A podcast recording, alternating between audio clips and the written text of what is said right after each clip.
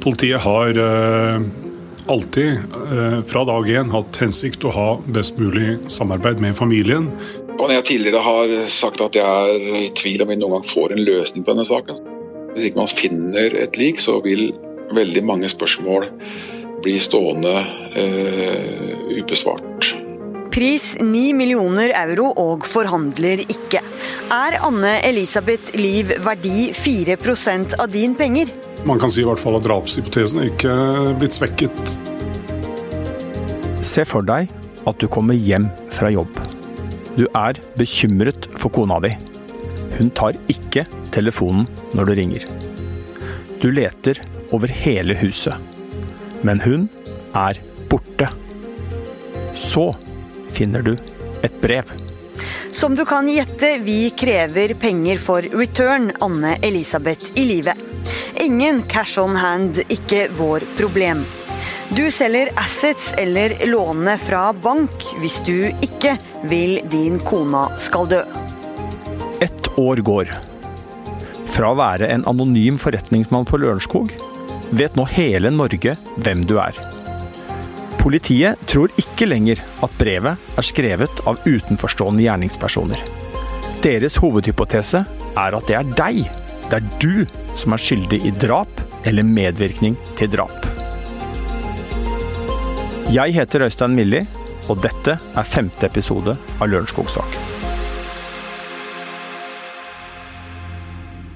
For et par uker siden fikk vi en kopi av kidnappingsbrevet. Det var overraskende langt, fem tettskrevne A4-sider. Skrevet med capslock forteller brevet hva som angivelig har skjedd med Lisbeth. Det settes betingelser for hva som må til for å få henne tilbake. Det er det som på fagspråket kalles et betinget trusselbrev. På mange måter er det veldig klassisk. Hvis du gjør slik, så gjør vi sånn. Og i bunn ligger et krav om utbetaling av penger. Vi har din kona Anne Elisabeth. Om du vil se henne igjen, du vil lese og følge instruksjoner, perfekt. Vi i VG har snakket med den danske trusselbrevforskeren Tanja Karoli Christensen. Hun sier brevet fremstår som forretningspreget, kaldt og kjølig.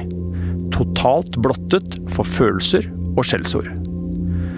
Brevet inneholder detaljerte forklaringer på hvordan Tom Hagen skal gjøre ting. Både hvordan han skal skaffe kryptovaluta, og hvordan han skal betale. Du vil se hvordan betale. Pris 9 millioner euro og forhandler ikke. Er Anne Elisabeth Liv verdi 4% av din penger? I brevet gjøres det rede for et slags kodespråk mellom de antatte kidnapperne og Hagen. Kodene er spesielle og forhåndsdefinert. Det vil si at det ikke er rom for å svare annet enn de setningene de angivelige kidnapperne har definert i brevet. Avsenderen er åpenbart godt forberedt, og budskapet gjennomtenkt. Og, like viktig kanskje, kommunikasjonskodene gir ikke rom for uforutsigbarhet. Om du følger instruksjon, når du far din kona tilbake, du kan så klart kontakte politi. Det er bare rettferdighet. Denne setningen er underlig. Her snakker man om rettferdighet.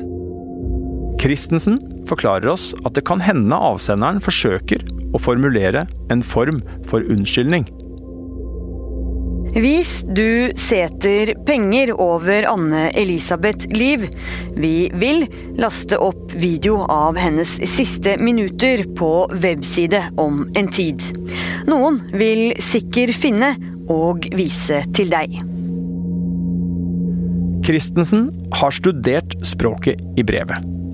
Hun mener at den eller de som har skrevet det, kan en del norsk. Og at de skriver feil med vilje.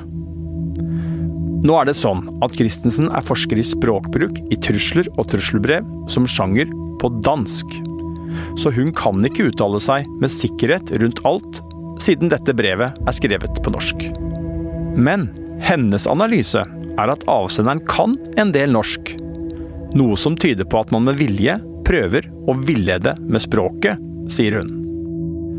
Det er flere eksempler på inkonsistent språk som både Christensen og andre spesialister påpeker. Eksempel brukes ordet 'hvis' flere ganger. Noen ganger står det uten H, andre ganger med. Det styrker hypotesen om at vedkommende kan skrive flytende norsk, men har prøvd å endre de mest tydelige trekkene til et utenlandsk norsk. Det samme ser vi på bruken av begrepet 'kona di'. Vi har din kona Anne Elisabeth. Jeg er ikke ekspert på verken språk eller trusselbrev. Men som leser slår de atypiske feilene som gjøres, meg umiddelbart. Samtidig benytter forfatteren i andre deler av brevet mer avanserte norske uttrykk. Man kan få en følelse av at det er en brevskriver som både er dårlig og god i norsk på samme tid. En normal reaksjon vil være å ringe politi, så dem kan hjelpe finne henne. Om du involverer politi og media, du putter press på oss. For mye press på oss, vi velger frihet foran penger. Vi tar ned risiko ved drepe og kvittes med kropp til Anne Elisabeth og forsvinne. Uavhengig av bruken av det norske språket er det umulig å misforstå budskapet. Vi har kona di. Hvis du betaler, så får du henne tilbake. Men hvis du involverer politiet eller media, ja da dør hun. Vi skal tilbake til den siste oktoberdagen i 2018, og klokka er rundt to. I Sloraveien har Tom Hagen funnet kidnappingsbrevet, om vi skal tro hans forklaring. Etter å ha lett rundt i huset, forsøkt å ringe kona si, tar han etter hvert to korte telefonsamtaler til familiemedlemmer. Og så ringer han politiet. Noen minutter senere møter han politimenn på en bensinstasjon i nabolaget. Han kommer alene, og i lomma har han brevet.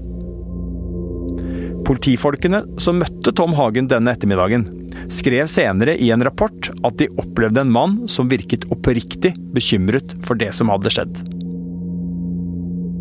Når Tom Hagen ringer til politifolka, er klokka ti over to. Det er rundt seks timer siden han kjørte til jobb. For politiet er det helt avgjørende å finne ut av hva som har skjedd i tiden som ledet opp til møtet mellom Tom Hagen og politiet på Skjell stasjon i Lørenskog. En av politiets første og aller viktigste oppgaver er å få opp en tidslinje. Hva kan man med sikkerhet fastslå har skjedd i dette tidsrommet? Jeg har pratet med Jørn Lier Horst. Han er tidligere etterforsker og kjenner godt til hvordan man jobber i vanskelige og kompliserte saker. Det er jo ingenting som skjer eh, i et vakuum. Eh, det skjer alltid noe i forkant og alltid noe i etterkant. og Tidslinjen er jo med på å danne et, eh, et bilde, et presist bilde eh, av eh, hendelser forut og etterkant. Som kan si noe om hva som har skjedd og hvem som har gjort det. Og det handler jo, En tidslinje er jo det beste hjelpemiddelet for å for å se på alibier, se hvem som har hatt tid og anledning og mulighet til å begå en forbrytelse. Vi skal gå opp denne tidslinjen. De ekstremt viktige timene og minuttene den dagen Lisbeth forsvant. Og ta med deg dette inn før vi nå går videre. Da lagmannsretten avgjorde om Tom Hagen skulle fengsles, ble denne tidslinjen et problem for politiet. Forsvareren sier at Hagen jo ikke engang er i Sloraveien når hun forsvinner. Noe retten trolig har lagt til grunn. Klokka er kvart på ni. Telefonen til Lisbeth ringer. Oppringningen kommer fra en medarbeider på Futurum, altså der bedriften til Tom Hagen holder hus. Og du husker kanskje fra tidligere episoder at vi har snakket om at Lisbeth jobbet for Tom, og også kjente medarbeiderne hans godt. I elleve minutter er telefonen hennes i bruk. Klokka 8.56 er samtalen over. En gang mellom to over ni og sju over ni kjører Tom Hagen den gamle, bulkete Citroengen som han benyttet på den tida, til jobb. Kjøreturen tar ca. åtte minutter. Han er på plass en gang mellom ti over ni og kvart over ni.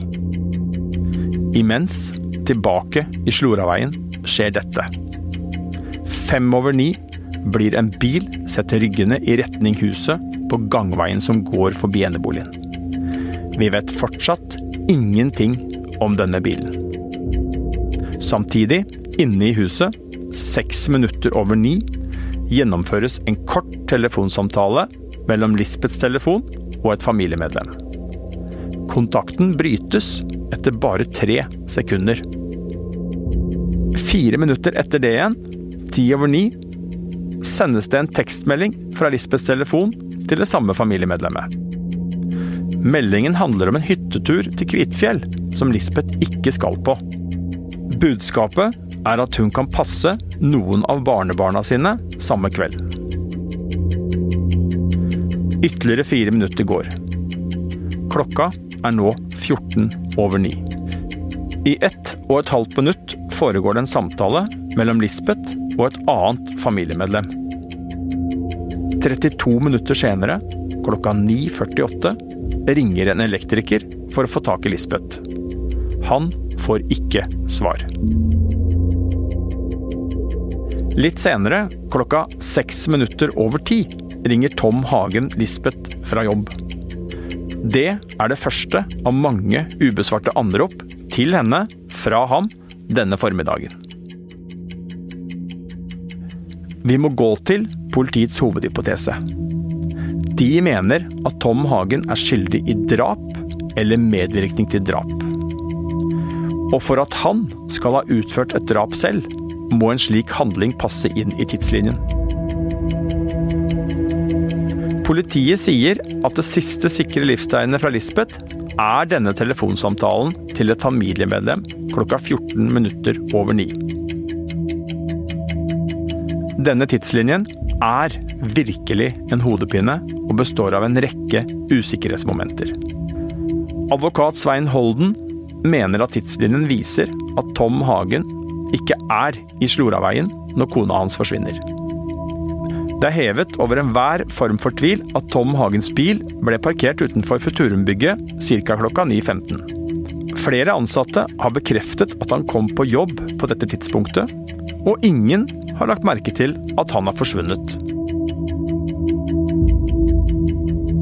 Så det som kan være vanskelig å forstå, sett utenfra, er hvorfor politiet likevel opprettholder siktelsen om at jo, de mener Tom Hagen er ansvarlig for det som har skjedd. Dersom Tom Hagen skal være skyldig, må enten tidslinjen på en eller annen måte ryke, eller så må han ha fått noen andre til å begå drapet. Politiets hovedhypotese er at det har skjedd et drap. Men de står fremdeles uten et lik. Akkurat det her er jo sånn som jeg ser det, kjernen i den forskninga som pågår nå. fordi at Her er Jørn Lier Horst igjen. Rent praktisk vil jo et likfunn kunne stadfeste at Anne Lisbeth Hagen er død. Eh, så er det jo ikke sikkert at man så lang tid etterpå kan si noe sikkert om uh, dødsårsak. Uh, men det er jo selvfølgelig en uh, mulighet for.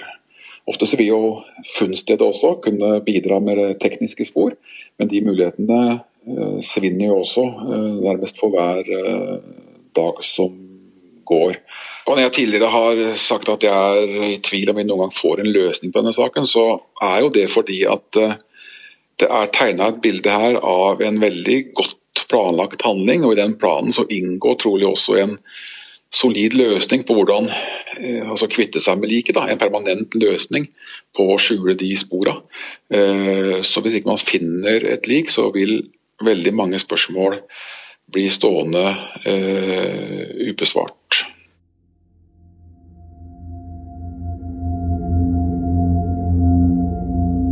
Dette er på så mange måter en uhyre komplisert og tilsynelatende veldig godt planlagt forbrytelse. Kanskje finnes det ingen tilsvarende saker med denne type planlegging og gjennomføring. I hvert fall ikke av de forbrytelsene som har blitt kjent. Politiets tilbakeslag etter pågripelsen av Tom Hagen tilsier at bevisene de har lagt frem så langt, rett og slett ikke holder. For en drøy uke siden intervjuet vi politiadvokat Haris Renovica. Eh, saken eh, er eh, der den har vært for så vidt tidligere. altså Det er jo i forhold til hypotesene.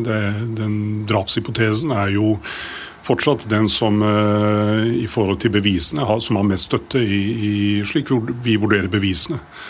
Men kidnappingshypotesen er jo ikke tilsidesatt. Den jobber vi også med. Det er jo for oss det viktigste å finne ut hva som har skjedd. 31.10., og hvem som har ansvaret for det. Eh, og det er jo bevisene til enhver tid som styrer styrken på hypotesene. Her sier politiet at jo, de jobber med flere spor samtidig. Kidnappingssporet er ikke lagt helt til side. Hvordan klarer politiet å balansere arbeidet mellom to så motstridende hypoteser? Jeg spør Lier Horst. Altså det å rette opp sin, det handler jo om å motbevise egen tro og egne meninger. Eh, motbevise egen teori og egen overbevisning, og det er ikke noen lett oppgave. Eh, Mentonersyn er jo et begrep som er strengt tatt henta fra veitrafikken. ikke sant? Sidesynet blir eh, mindre jo fortere vi kjører. Og synsfeltet snevres inn i høy hastighet. Så det er på mange måter det samme som gjelder i nettforskningen. da. Eh, det samme som skjer. altså Man må tilpasse hastigheten etter forholdene. Eh, sette ned tempoet og ikke eh, forhaste seg. Det med bias, som vi gjerne kaller det, da, eller skjevheter i nettforskning, er jo først og fremst et lederansvar eller en lederoppgave. Det handler jo om hvordan man velger å organisere etterforskninga. For det må jo legges opp til en det man gjerne kaller en bred etterforskning, da, der det også er ressurser til å sette ut etterforskningsoppgaver til som ikke, som ikke ligger i hovedsporet. Eh, og man må skape rom for interne diskusjoner. Og ha med seg etterforskere som både evner og våger å stille spørsmål underveis. Og også da en påtalemyndighet som er sitt ansvar bevisst. Når vi vet at vi på et senere tidspunkt kanskje må forklare og begrunne og stå til ansvar for de valgene vi har gjort, så er jo det skjerpende. Eh, vi er jo mer tilbøyelige til å tenke både kritisk og logisk når vi f.eks. vet at media er opptatt av en sak. Altså det å ha medias søkelys på seg underveis i etterforskning, det er jo faktisk med på å, og forebygge et uh, tunnelsyn. Men selv om politiet fremdeles jobber med det alternative kidnappingssporet, sier Renovica dette i samme intervju. Eh, jeg kan bekrefte at politiet har gjort eh, funn som vi mener kan være relevante for å belyse saken ytterligere. Men eh, mer konkret hva slags type funn det dreier seg om, det ønsker jeg ikke å gå inn på pga. bevisforspillelsesfare bl.a.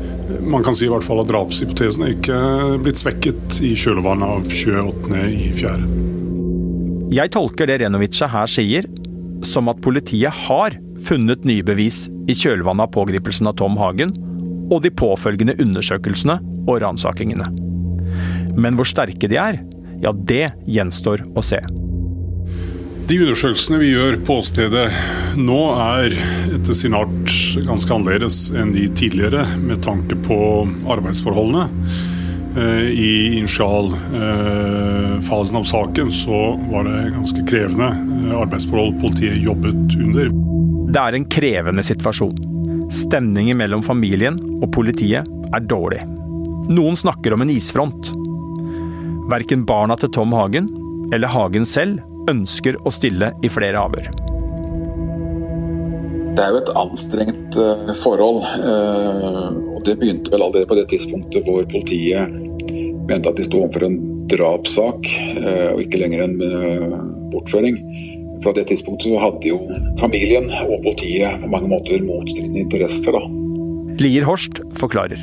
Det er jo ikke en ønska situasjon. Eh, for å dytte en sak videre, så er man jo helt avhengig av et samarbeid med de som ja, i dette tilfellet da, kjenner både siktede og, og fornærmede best.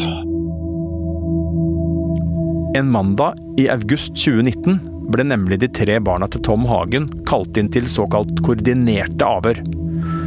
Det vil si at de hver for seg, men samtidig, ble stilt en rekke ganske like og konfronterende spørsmål om foreldrene og ekteskapet deres. Politiet prøvde å finne ut om det hadde vært konflikter eller misnøye mellom foreldrene.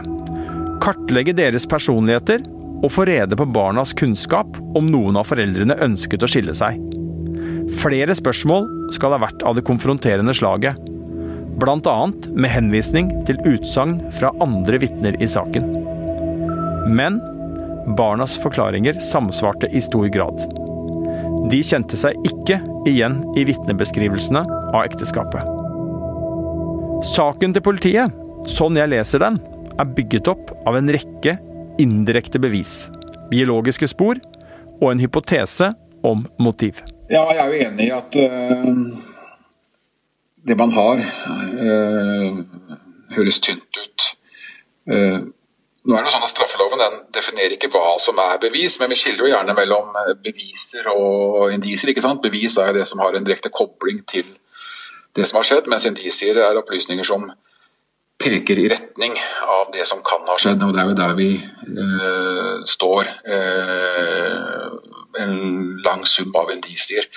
Men det er jo også sånn at de fleste straffesaker øh, de avgjøres jo ut ifra en indisiekjede. Der motivet gjerne er utgangspunktet, og motivet blir jo viktig her også. Altså En drapsetterforskning handler jo ikke bare om å jakte på en gjerningsmann, det handler jo også om å jakte på de omstendighetene som kan drive et menneske til å drepe. Og med en så godt planlagt handling som det er snakk om her, så må man også ha hatt en veldig god grunn til å gjøre det. Politiet kjenner jo selv beviskravene for å ta ut siktelse og tiltale. Og det får meg til å undres. Om de faktisk sitter på mer enn det de forteller oss. Hvis ikke er falløyden i denne saken stor. Det er jo også mulig at politiet har mer her. Altså, for Jeg ser jo at uh, på etterforskningsstadiet og fram til det kan tas en tiltale, så, så uh, uh, er det enkelte opplysninger som kan komme fram i, altså i etterforskning, som kan holdes tilbake bl.a. av hensyn til tredjepersoner. Og dette kan jo være en sak hvor det er aktuelt med, det, med anonym vitneførsel. Og Da sier det seg sjøl at det er en del av etterforskningen som på det stadiet vi er nå, eh, blir holdt hemmelig. Så kan altså være, tenker jeg, at politiet har mer enn det eh, vi har fått vite. Men barna slår ring om faren sin Tom Hagen. Fra nå av, sier de, vil de selv være mer aktive i jakten på å finne gjerningspersonene. Vi har hørt at forsvarerne til Hagen har utlovet en dusør på 10 millioner kroner til den som bidrar til at Lisbeth blir funnet. Hagen og hans forsvarerteam, med Svein Holden i spissen, har satt opp e-postadresser som kan brukes til å motta tips. Utgangspunktet til Holden er at alle tips skal bli videresendt til politiet. Likevel, dusøren har blitt nok et stridstema. Politiet tar avstand fra at tipsene som kommer, skal gå via Tom Hagen og hans team. På den ene siden er det jo veldig lett å forstå at man vil gjøre alt som står i sin makt for å finne svaret på det som har skjedd, når man mener politiet ikke følger riktig spor. Samtidig er det flere som mener det er påfallende at Hagen ikke lenger ønsker å stille til flere avhør, slik politiet ber om. Hvordan skal vi tolke reaksjonene til Hagen og hans familie? Ja, altså Det er jo, det er jo strengt tatt ikke noen reaksjon som er naturlig eller unaturlig i, i møte med politiet. Du kan jo tenke deg sjøl bare hvis du blir vinka inn til en trafikkontroll. og Selv om du har alt på stell, så, så, så, du på, så kjenner du på en, eh, på en reaksjon. Men eh, altså det å bryte alt samarbeid med politiet, det er på mange måter en ekstrem motreaksjon. Da. Det er vanskelig å skulle tolke det opp mot uh, skyld eller, eller uskyld. Og når man først bryter eh, Da er man jo litt på vei over i amerikanske tilstander, holdt jeg på å si. Hvor alternativet er å leie inn eh, egne etterforskere, egne eh, sakkyndige, som kan ja, gå gjennom saken eh, med nye og friske øyne. Og så er det jo sånn i denne saken at eh, Tom Hagen har jo fortsatt status som sikta, og politiet, sånn i hvert fall vi leser det, etterforsker jo fortsatt denne saken med han som et hovedspor. Um, og så pågår jo diskusjonene om uh, skyld, ikke skyld. Uh, dersom han står bak det som skjedde med Anne-Elisabeth Hagen, så har han jo ikke bare, som politiet ser det, sørga for at kona hans er drept, men han har jo sendt barn og barnebarn ut i en situasjon som kan fortone seg som psykisk terror. Med dette trusselbrevet og tvil og tro i forhold til hva som har skjedd med en mor og en bestemor det er jo det er ganske voldsomt uh, med en sånn situasjon? Ja, og samtidig så blir det jo etter hvert nærmest umulig altså, Det har jo stilt seg i så fall en situasjon hvor det nærmest er umulig å senere skulle innrømme noe.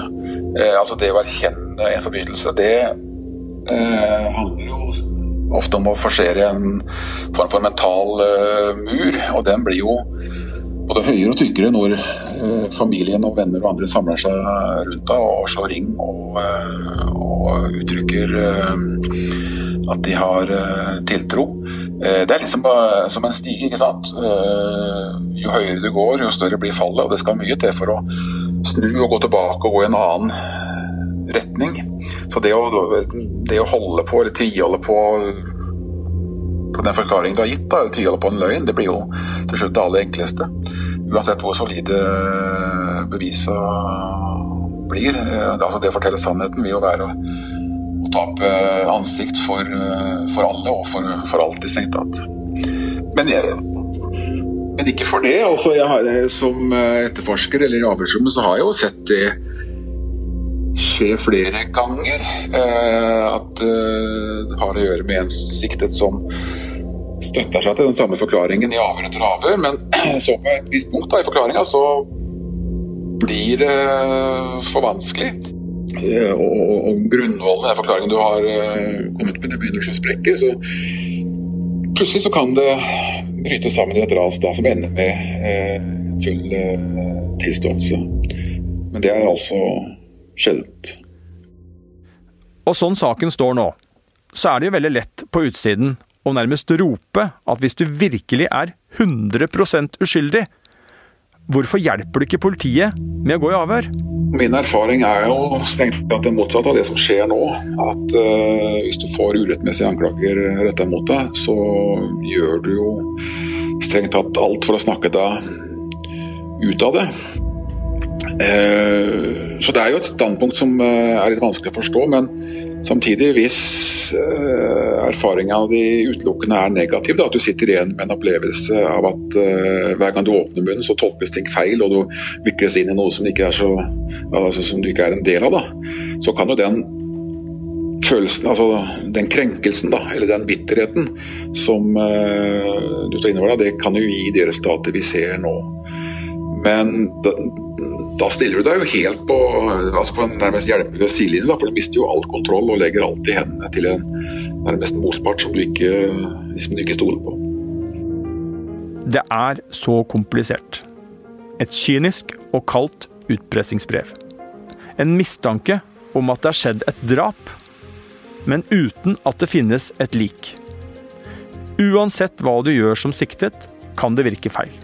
Alt kan ses på fra ulikt ståsted. Går du ikke i avhør, kan det tolkes som om du frykter noe. Andre kan mene at du gjør det eneste riktige, fordi det er et signal om at du ikke har tillit til politiet. Politiet har ikke gjort noe annet siden forsvinningsdagen enn nettopp å lete etter vedkommende og søke bevis til skyld og uskyld i forhold til hvem som kan stå bak det her. Dette er siste episode av Lørenskog-saken før sommerferien. Hvis det er noe du har lyst til å høre mer om i denne saken, send meg gjerne en mail på milli.vg.no. All journalistikk knyttet til denne saken er jobbet fram av Hanna Haug Grøseth, Morten Hopperstad, Ådne Husby Sandnes, Gordon Andersen, Bjørnar Tommelstad og meg. Podkastserien er laget av Emilie Hall Torp, Kristine Hellesland og meg, Øystein Milli. Teknisk ansvarlig er Magne Antonsen.